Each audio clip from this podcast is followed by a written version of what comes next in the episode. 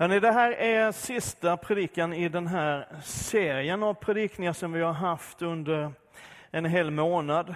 Kyrka, en kyrka för alla. Det vi har pratat om, om jag bara ska göra en snabb resumé, det är att vi har talat om ett hjärta för Guds hus. Där vi också har sagt att huset, det är inte den här byggnaden. Även om den är fantastisk och underbar och fin och praktisk och allt möjligt, så är det ju inte byggnaden som är kyrkan eller församlingen, utan det är vi, familjen, som är huset. Att ha ett hjärta för Guds hus är att ha ett hjärta för de du ser runt omkring dig. Nu blev det tyst.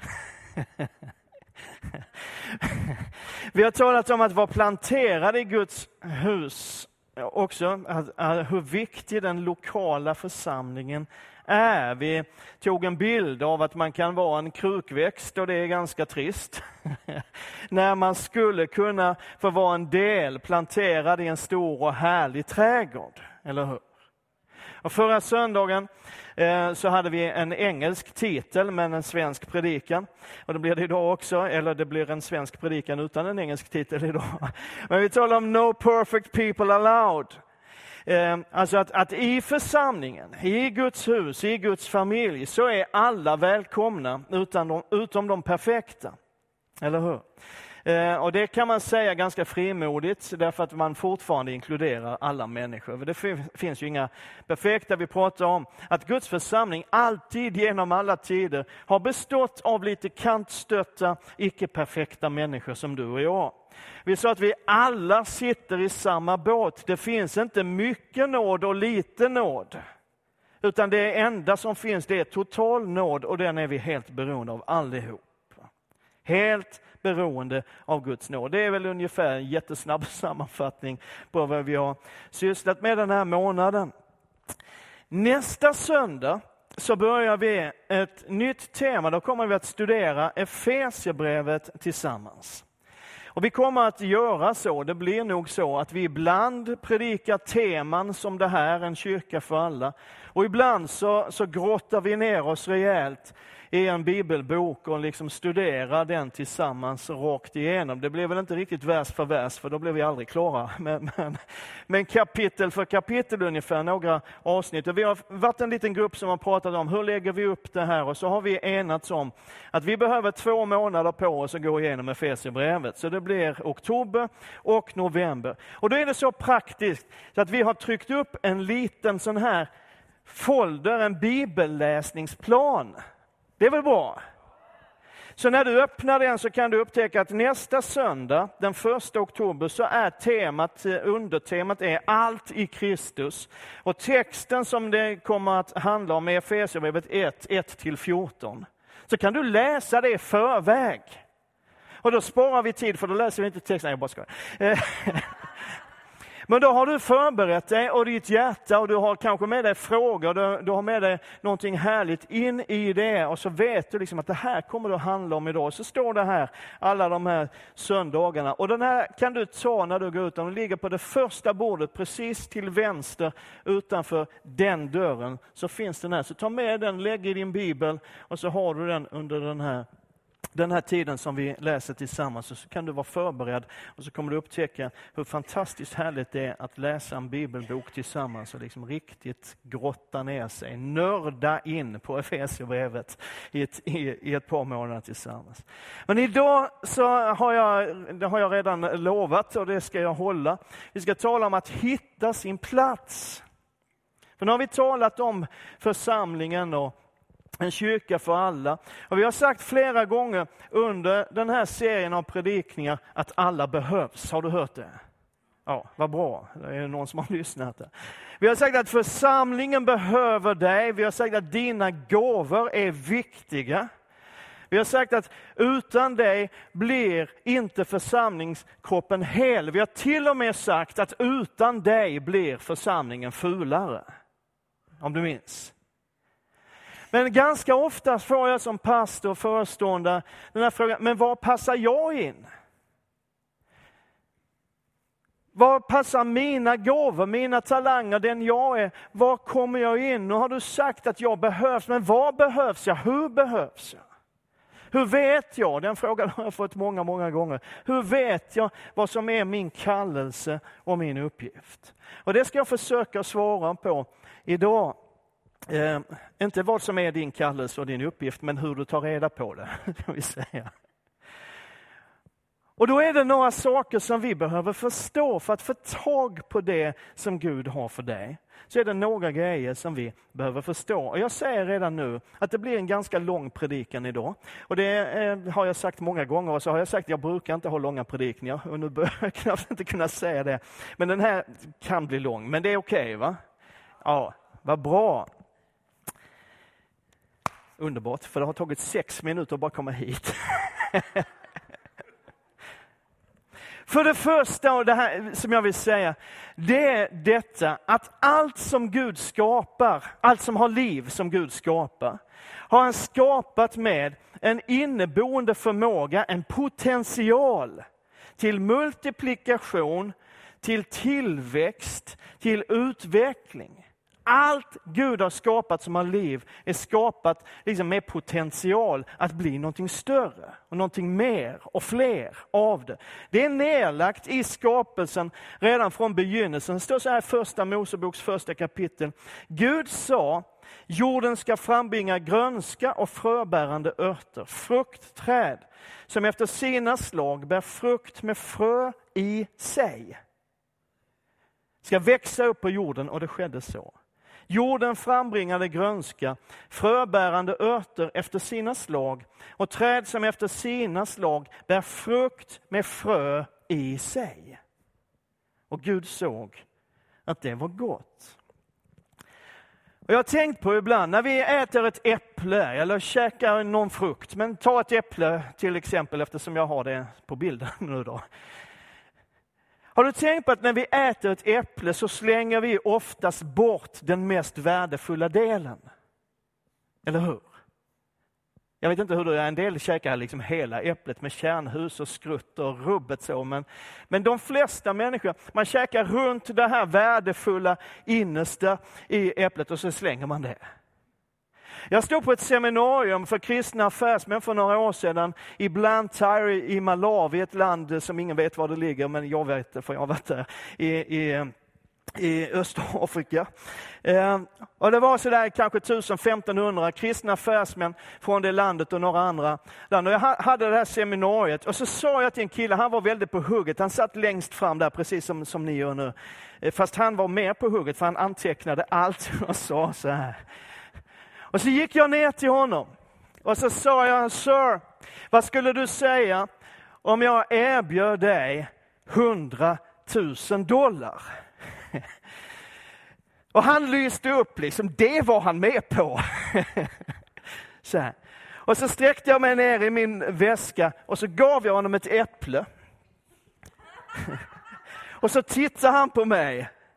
Och så såg jag precis innan jag hann säga det så såg jag, nu fattar han. För hela han liksom sprack upp i ett stort leende. Och säger så här, de hundratusen dollar är på insidan av det här äpplet. Har du varit på Österlen någon gång? Kivik. Och sett raderna efter raderna med raderna med de här fantastiska äppelträden som finns där nere. Det är häftigt. Och jag tänkte sen, var, varje gång jag ser det där, för jag har tillbringat ganska mycket tid på Österlen, det borde alla göra. Det, det är liksom en försmak av, av, vad det blir i himlen. Uh, så det, då har jag tänkt så här, det var ju någon som satte det första fröet. Någon gång. Och av det fröet blev det träd som bar frukt, som i sig hade frön. Eller hur? Åkesson hette han förresten som satte det första. Tänk vad du får lära dig när du kommer hit söndag förmiddag. På insidan så finns frön som blir till träd som bär frukt, som har frön som kan bli till träd som bär frukt, som har frön som kan bli, var är jag? som kan bli till träd som bär frukt. Så jag kan hålla på resten av dagen och bara fortsätta den här kedjan. Allt som Gud har skapat har han skapat med en potential att bli mer. Det gäller hela skapelsen. Allt som har liv har Gud skapat med potential för utveckling, för tillväxt. En fågelunge blir en flock, en kalv blir en jord, ett litet fiskyngel blir ett stim. Du vet, I varje liten flicka som föds in i den här världen finns potentialen att bli en mäktig Guds kvinna. I varje liten pojke som föds in i den här världen finns potentialen att bli en Guds man. Det andra jag vill säga är att när Gud skapade dig så hade han ett syfte med det. Det fanns en anledning att Gud skapade dig. Det är väl bra? Det är liksom ingen slump att du finns till. Inget misstag att du finns till. Det står så här i en av mina absoluta favoritverser i Bibeln. Jag tror jag har citerat den ett par gånger redan sedan jag kom hit.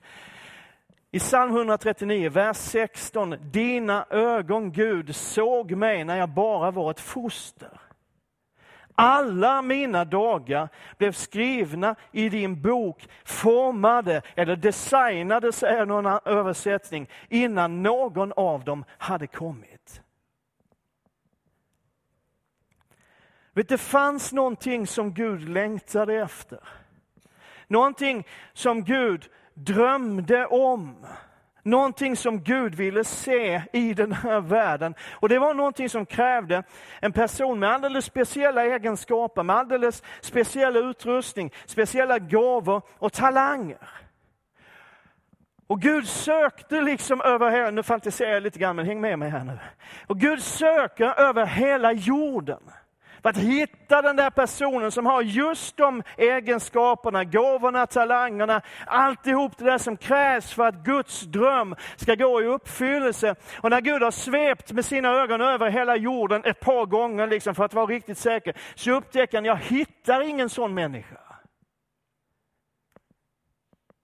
Så vad gör han? Han skapar dig.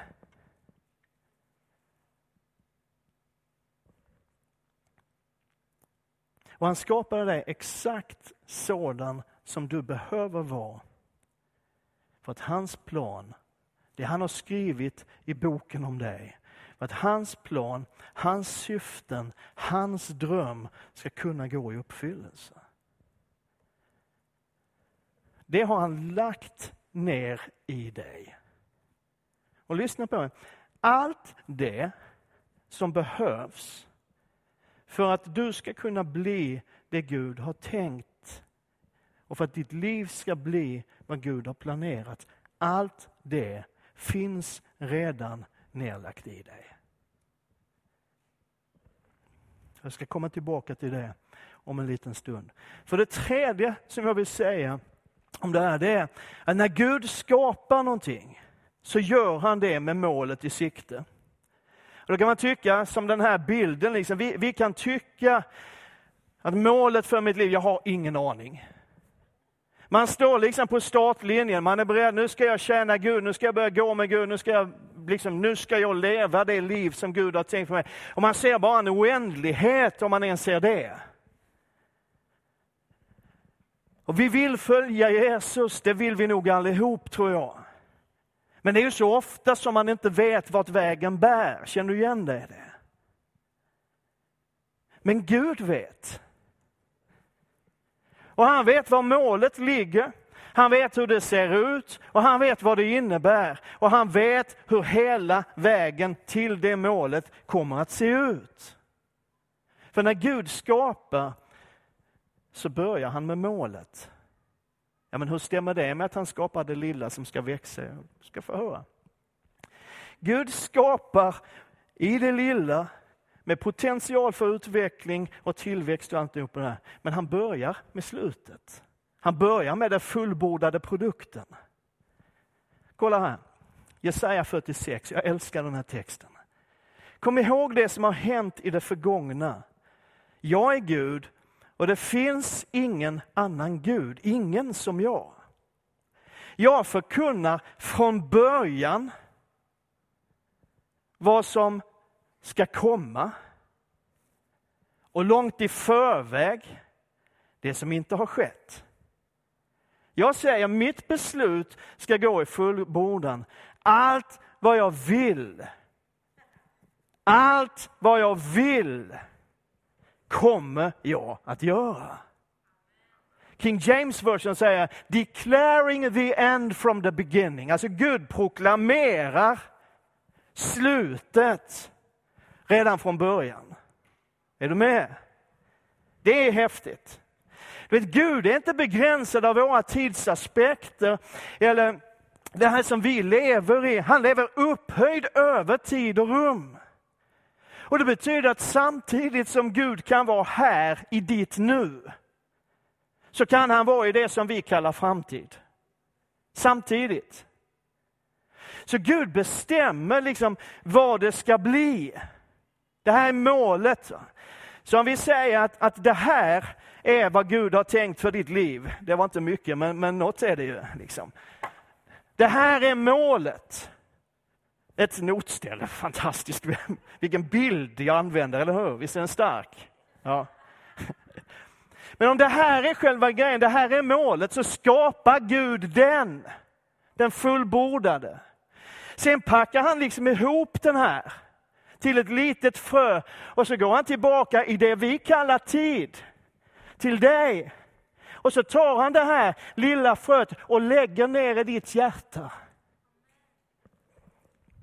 Men det det ska bli är redan klart. Prisat vara Herrens namn. Han lägger det fullbordade som ett frö i ditt hjärta och du bär det med dig. Så Gud skapade dig med ett syfte. Han vet vad målet är, han vet vad det ska bli. Och han har skapat dig med en potential att bli allt det han har tänkt. Så att du kan fullborda hans plan och syfte med ditt liv. Är det bra? Men allt det där, syftet, det fullbordade, målet, din potential har Gud lagt ner som ett litet frö i ditt liv. Och det kan gro, det kan växa och det kan bli till allt vad Gud har tänkt. Men det kan också få ligga kvar där för evigt och aldrig bli någonting alls. Det valet är inte hans, det är ditt. Och det är på grund av att det Gud gör i våra liv börjar alltid med ett litet frö som är så viktigt att förstå en sak, en berättelse i Bibeln i Gamla Testamentet. Guds folk har under tre generationer, 70 år, varit i fångenskap i Babylon. Och i den persiske kungen Kores första regeringsår så är det en liten grupp judar som får återvända till Jerusalem. Eller liten grupp, de är 42 360 tror jag, men, förhållandevis liten grupp. Och deras uppdrag, det är att bygga upp igen det totalförstörda templet. Och bygga upp staden, men framförallt templet. Bland de här finns Zerubabel som är liksom byggledare, där finns Sakaja som är präst och profet. Och tänk lite nu, det här är återvändande fångar.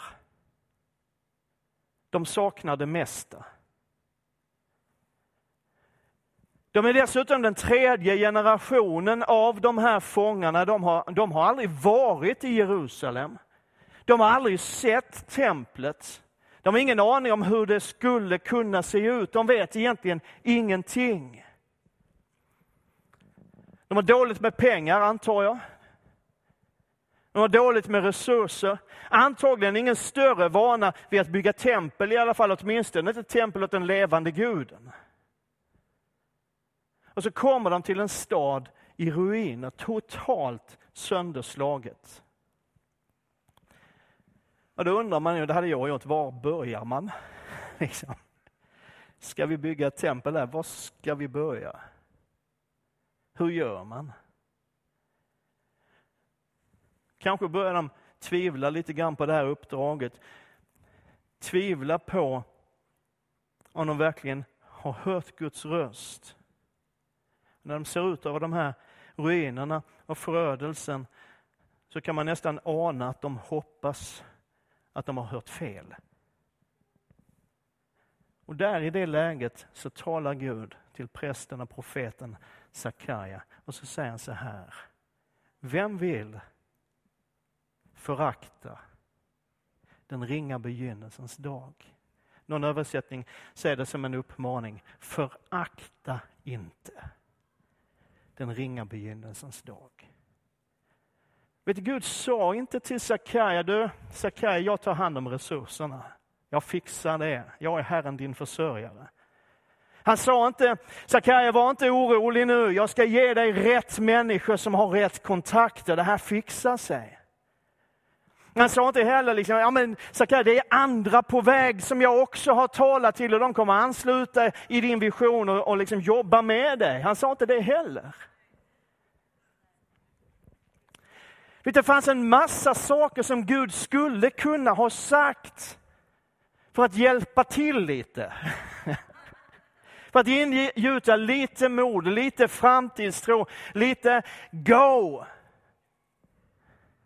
Men Gud sa bara Sakarja, vad du än gör, förakta inte den ringa begynnelsen.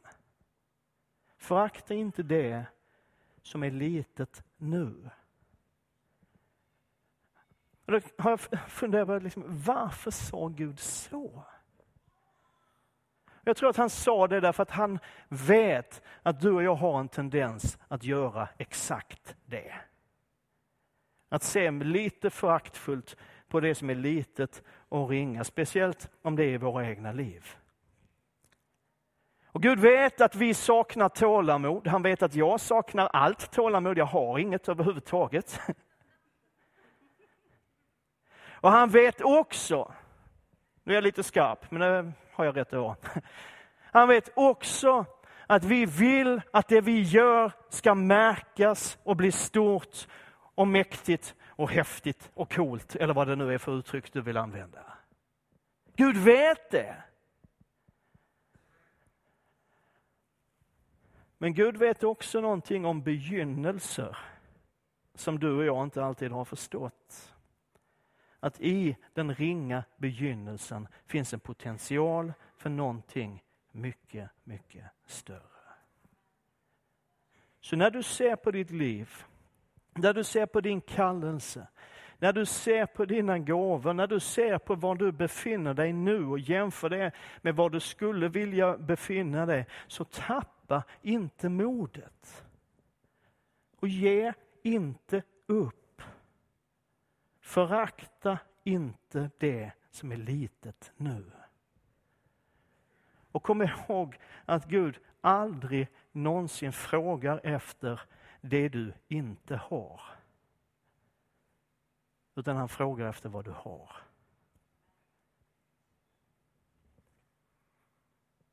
Han frågar inte efter det du inte har. Han frågar efter det du har. Men du Hultberg, sa du inte att vi skulle berätta om hur man hittar sin plats? Jo, jag är glad att du frågar. Eh, hur vet jag vad som är Guds plan, Guds syfte, Guds mål med mitt liv? Hur vet jag vad det där fröet innehåller? Hur får jag tag på det Gud har skrivit i sin bok över mitt liv? Egentligen skulle jag vilja påstå att det är ganska enkelt. Det handlar om att ställa två frågor som ger tre svar. Den första frågan är, vem är jag eller hur är jag skapad? Vem är jag? Hur har Gud liksom satt ihop mig? Och den andra frågan är, vad är behoven? För vi sa att när Gud skapade dig så skapade han dig exakt sån som han ville ha dig. Visst sa vi det? Är vi överens om det? Ja.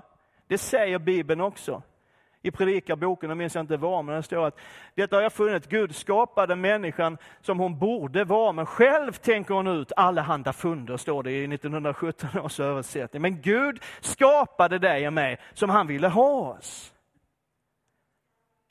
Vi sa att han har lagt ner i var och en av oss allt det som behövs för att vi ska kunna bli allt som han har tänkt. Och Det handlar om naturlig utrustning, född med vissa talanger och alltihop där, och kompletterad med andliga gåvor. Allt som Gud vill ha i ditt liv har han lagt ner i ditt liv. Och Det betyder också, är jag övertygad om, att han har skapat det med en längtan, en passion för någonting.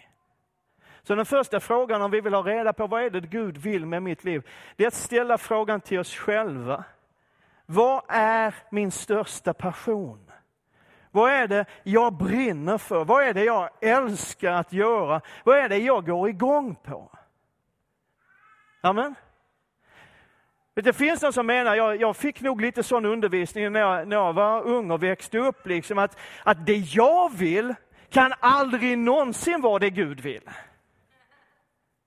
Liksom att Gud alltid kommer att vilja raka motsatsen till det du vill. Och det du absolut inte vill, det är nog vad Gud har tänkt för ditt liv. Liksom vill du, om det sista du kan tänka dig är att bli missionär på Grönland, så är det nog till Grönland Gud vill sända dig. Liksom för att hela vårt liv är ett offer inför Gud. Och jag tror att det där är ett ord som slutar på it och börjar med b. Jag tror det, det, det är helt galet fel. Därför Gud är universums allra yttersta intelligens. Eller hur? Och det vore ganska dumt att tvinga människor att göra någonting som de inte vill. Det vet varje ledare i hela världen. Att man får ett bättre resultat om man får människor att göra det de älskar att göra. Eller hur?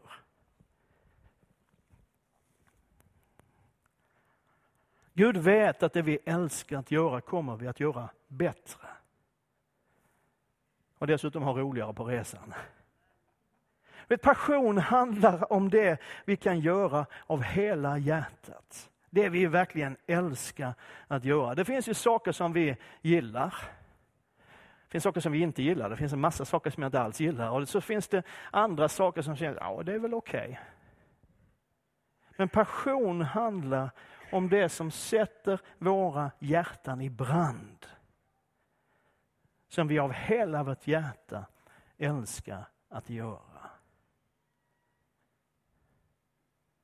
Vad är din största passion? Vad är det du brinner för? Vad är det som får dig att gå igång?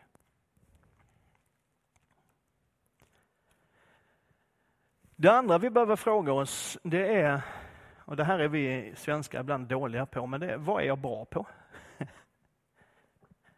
Vi är dåliga på att vara bra på. Vilka är mina gåvor? För vi har ju olika utrustning du och jag. Vi alla, eller hur? Det finns vissa saker som vi är bra på. Även om vi har svårt att erkänna det, så vet vi det innerst inne. Det finns vissa grejer som jag är bra på. Andra är vi kanske hyfsade på. Och så finns det en miljard saker som vi inte kan alls. Inte sant? Och jag har märkt att det ofta finns en överlappning någonstans mellan det vi älskar att göra och det vi är bra på. Inte alltid, men ofta. Liksom passion och gåvor hänger samman. Sen kan man älska saker som man inte är särskilt bra på också. Eller hur? Jag menar, jag älskar att spela golf. Det är kanske någon som inte har hört det. Jag älskar att spela golf. Det är det roligaste jag vet, nästan. Det är fantastiskt roligt. Men jag är inget bra på det. Jag kan lätt säga att passionen är långt mycket större än förmågan. Och då kan man ana någonstans att det kanske inte är riktigt det Gud har kallat mig att göra i mitt liv. Eller hur? Jag älskar att predika Guds ord. Det är det roligaste jag vet. Det är roligare än golf. Det har jag förstått och upptäckt och hört från andra att jag är dessutom bra på. Ja, men då kan man ändå ana någonstans att det här älskar jag att göra och det funkar. Kan det finnas en aning av ett gudsmotiv i det? Det här som man älskar att göra men som man inte är bra på, det kan man göra ändå för att det är roligt, men det är högst troligt inte det som är vår livskallelse, som vi är skapade till. Vad är din passion? Och hur ser din utrustning ut? Vad är du bra på? Och den tredje frågan, vad är behoven? Vad behövs det som jag brinner för och som jag är bra på? På vilket sätt funkar jag där? För Bibeln säger i första Korinthierbrevet 11, tror jag det är, att Gud ger sina gåvor till var och en så att de blir till nytta. Det är första Korinthierbrevet 11. Alltså behoven är plattformen där Gud sätter oss att fungera och verka. Och när jag vet vad min passion är, och det vet man för det mesta, man vet vilka gåvor som jag har, så kan jag söka efter en plats, en uppgift där just det som jag är bra på och som jag älskar behövs. Jag vill bara säga till dig, kom och berätta för oss, berätta för mig eller för Peter, unge pastor Peter, eller vad han hette, eller någon annan ledare i församlingen, kommer att berätta för oss, det här är min passion, det här brinner jag för, det här är mina gåvor, jag lovar vi ska göra allt vad vi kan för att visa dig var behoven finns. För de finns.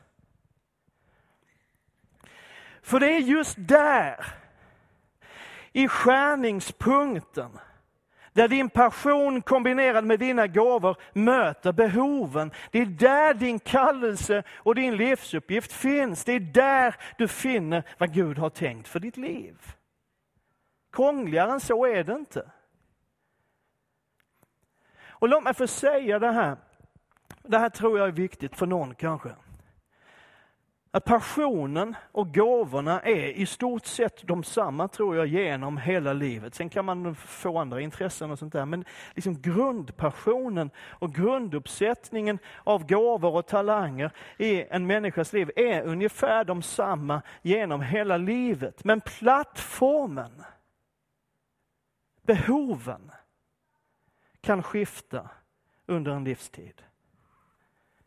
Och jag möter ibland människor, oftast lite äldre människor, som liksom kan berätta om en stor passion, en rik utrustning för någonting. Man kan säga till mig, det här händer ganska ofta, liksom, ja, men jag, var, jag var söndagsskollärare i 40 år, jag älskar barnen.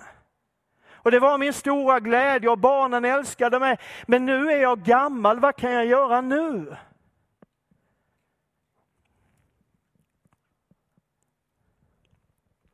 Vet, jag har alltid haft en stor passion för att nå unga människor. Det har varit en stor del av mitt liv som, som förkunnare och, och pastor och, och kristen ledare. Att nå unga människor, att träna, undervisa, se unga människor ta steg i tro. Och många ungdomar som jag har haft i mina församlingar genom åren är idag själv pastorer, evangelister och, och förkunnare på olika sätt. Och det är en sån glädje i det. Jag har talat i jättemånga ungdomskonferenser runt om i världen i en massa olika länder och olika sammanhang. Jag var anställd av mitt samfund under några år som resande pastor med inriktning på unga människor. Och jag älskade det. Och dessutom var jag bra på det. Så kan du väl inte säga, jag sa det nyss, jag var det. Vet du vad? När jag var så där i 40-årsåldern, det vill säga förra veckan. Eh, när jag kom så där i 40-årsåldern så upptäckte jag att jag fick färre sådana här kallelser att tala i ungdomskonferenser på ungdomsmöten.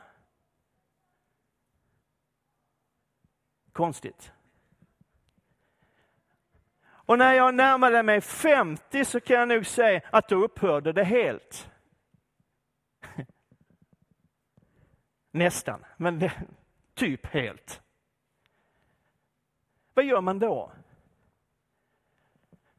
Om man har kvar passionen för en ung generation. Om man fortfarande vill bygga för framtiden.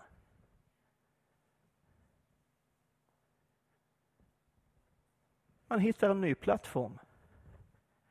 Man fyller nya behov. Så jag började plocka in unga människor i mitt team. Oftast var de inte anställda, fick ingen lön, eh, mer än en kopp kaffe om de själv bryggde åt oss andra. Men de fick vara med som fullvärdiga medlemmar i teamet. Var med i vår bön, i vår planering, i våra samtal, i våra teologiska diskussioner. Ibland fick de predika, leda gudstjänster, finnas med, leva med oss, se hur vi ledde. Följ mig som jag följer Kristus. Så om jag inte kan predika längre för hundratals eller ibland tusentals ungdomar så kan jag träna dem en och en. Eller hur? Samma passion, egentligen samma utrustning, det är bara en annan plattform.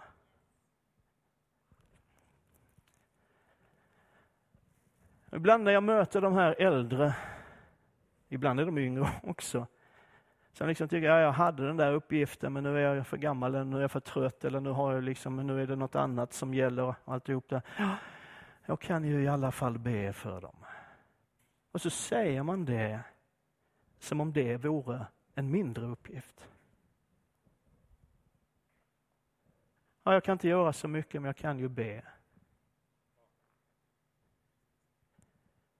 Det är bönen som bär allt. Det är bönen som är motorn i allt det vi gör som församling. Det är bönen som föder till liv. Det är bönen som bryter igenom, river ner fästen av motstånd och ondska. Det är bönen som drar ner Guds härlighet. Det är bönen som är grunden för allt det vi gör. Som du känner, ja men jag har varit så aktiv och jag har funnits med, men nu är jag gammal, nu är jag trött, nu kan jag inte göra det längre. Jag kan i alla fall be. Ja men be människa.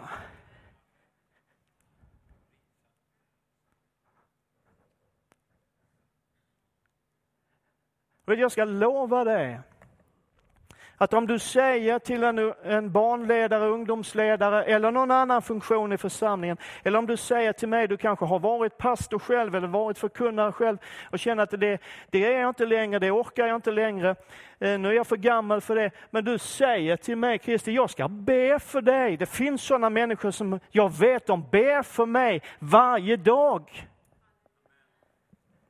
Vet, jag ska lova, om du kommer och säger det till mig eller till någon annan ledare i församlingen som har uppgifter i församlingen mer aktivt så. Så kan jag lova att du kan få rapport varenda vecka. Det här behöver vi att du ber för. Det här har hänt. Tack för att du bad för det. Att be är ingen mindre uppgift. Amen. Det var en rejäl utvikning. Men det jag skulle säga, det är att det finns ett hot mot Guds plan för våra liv. Det finns en fiende som kan förstöra det Gud har tänkt för oss. Och nu är den här bilden lite felaktig. Eller missvisande. Kul skämt. Nu fattade någon. Därför att den farligaste fienden är inte utanför oss. Den farligaste fienden vi har finns på insidan av oss. Därför att den mest dödliga fiende vi har är jämförelsekomplexet. Lethal weapon. Det är ett dödligt vapen. Därför vi ser ibland på våra gåvor, ser på vad vi har, våra talanger, våra resurser, vårt sammanhang och så jämför vi det med någon annan. Och vet du, det spelar ingen roll på vilken nivå vi befinner oss. Eller vilket område i livet det handlar om. Det går alltid att hitta någon som är bättre. Eller hur? Vet du, om du sjunger, du kan sjunga som en ängel som du gjorde alldeles nyss här. Men jag är säker på att du själv upplever att det finns andra som gör det bättre. Nej, jo. eller om man spelar, eller vad det nu är för någonting. Det finns alltid någon som gör det bättre. Vet man står som ung pastor och har en församling som jag hade, min första församling hade 52 medlemmar, varav hälften ungefär var på ålderdomshemmet. Jag är pastor, det är John Guichou också. Jag har 52 medlemmar, hälften av dem är på ålderdomshemmet. Han har 800 000 medlemmar. Det går alltid att hitta någon som har kommit längre och nått högre eller gör någonting större. Det går alltid. Någon som har fått mer, någon som har en större talang som vi tycker, bättre resurser, som är duktigare, starkare, snyggare eller vad det nu är. Och istället för att se på det vi har, så ser vi så gärna på det vi inte har. Och kom ihåg det här, jämförelse kommer alltid att krympa dig. Jämförelse kommer alltid att förminska, stjäla, slakta och förgöra i ditt liv. Och sitter man fast i jämförelsekomplex, och jag vet att jag har predikat i 40 minuter nu och jag har några till. Men sitter man fast i jämförelsekomplex så leder det oftast till en av två saker. Antingen att man lägger ner, det är ingen idé. Ja, men varför ska jag vara pastor för, för 52, hälften är borta, när, när man kan ha 800 000? Det är ingen idé, jag skiter i det här. Så säger man ju inte om man är frälst, men en, en ofrälst pastor hade kunnat säga så. Det andra risken är att man kliver in i en roll som inte är jag. Man blir någonting annat, försöker vara någon annan än den som Gud har skapat oss till. Jag säger det igen, Gud skapade dig exakt sådan som du skulle vara. Han skapade dig därför att det är dig han behöver. Om du inte kommer ihåg någonting annat från den här predikan, så ta till dig det här och kom ihåg vad jag säger nu. Gud kan bara välsigna den du verkligen är. Inte den du låtsas vara eller önskar att du vore. Gud kan bara välsigna den du verkligen är. Det finns en berättelse, och jag går in för landning nu, så du behöver inte vara, vara orolig. Det finns en berättelse i Gamla Testamentet om Jakob. Jag älskar den storyn. Jakob var tvilling det står att, att det var två pojkar i moderlivet. Det står att redan i moderlivet så fightades de där bröderna med varandra. Fullt liv. Och Jakob blev född som nummer två. Men han ville vara nummer ett. Vet, när han kommer ut som nummer två så håller han handen om hälen på sin bror som kommer några sekunder före. Det är liksom som att han har försökt att dra sig igenom och komma före, tränga sig före. Men det funkar inte. Hans bror Esau kommer först. Och Det betyder att Esau får en massa fördelar i den kulturen. Han får förstfödslorätten som betyder att liksom arvet, den största delen av arvet blir hans. Det blir han som blir familjens överhuvud när pappa dör och så vidare. Men han får också, som den förstfödde, rätten till sin fars alldeles speciella välsignelse. En välsignelse som skulle liksom öppna himlen över honom, en välsignelse som skulle öppna dörrar för honom. En välsignelse som han kunde bära med sig i livet och som skulle betyda väldigt, väldigt mycket. Det där vill Jakob ha. Men han är nummer två. Och du som har läst berättelsen, och det är ganska många av oss har en känsla av, vet att, att Jakob köper förstfödslorätten för en skål soppa. Och soppa kan vara gott, men det här var linssoppa. Men han köper förstfödslorätten, han lurar sig till den för han passar på när hans bror är alldeles utmattad av hunger och håller på att svälta ihjäl. Då erbjuder han en skål soppa för förstfödslorätten. Men Jakob är inte nöjd med det. Det är välsignelsen han är ute efter. Och du kan storyn, han klär ut sig till sin bror, lurar sin blinde far att ge honom välsignelsen istället. Och när Esau får reda på det så blir han vansinnigt arg så Jakob måste fly för sitt liv. Och det här är en lång berättelse som vi inte ska ta hela. Men poängen är att Jakob försöker leva hela sitt liv på en välsignelse som inte är hans. Han försöker leva sitt liv i en kraft som inte är hans. Som skulle vara för någon annan. Och Jakob upptäcker under sitt liv att det här funkar inte. Och till sist så möter han Gud och det där är ett väldigt underligt gudsmöte. Jag är glad att jag inte har haft sådana gudsmöten på det sättet. För han brottas med Gud en hel natt. Och det är väldigt märkligt att inte Gud bara förgör honom rakt av, men det, det gör han inte. Utan de brottas och kämpar en hel natt. Och när morgonen kommer så säger Gud till honom, släpp mig nu för nu är det gryning liksom, och jag ska göra någonting annat. Och Jakob svarar, jag släpper dig inte förrän du välsignar mig. Och då frågar Gud honom, vad är ditt namn? Och det är precis som att just där och då, Jakob har fått en rejäl smäll, höften har gått ur led, han är bruten. Så just där och då ger Jakob bara upp. Jag har levt ett helt liv på någon annans välsignelse. Det har inte funkat. Ingenting har funkat. Det har varit skitjobbigt hela mitt liv. Vad är ditt namn? Och så säger han det som förlöser allt för honom. Han säger okej. Okay.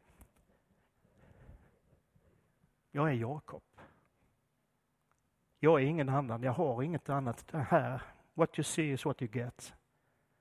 Det här är jag. Så säger Guds ord att Gud välsignade honom där och då.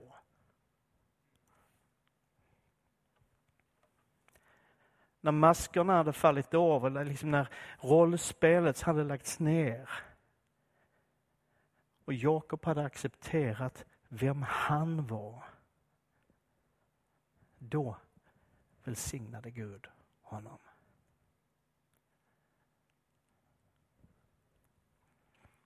Dina ögon såg mig, Gud, när jag bara var ett foster. Alla mina dagar blev skrivna i din bok, formade innan någon av dem hade kommit.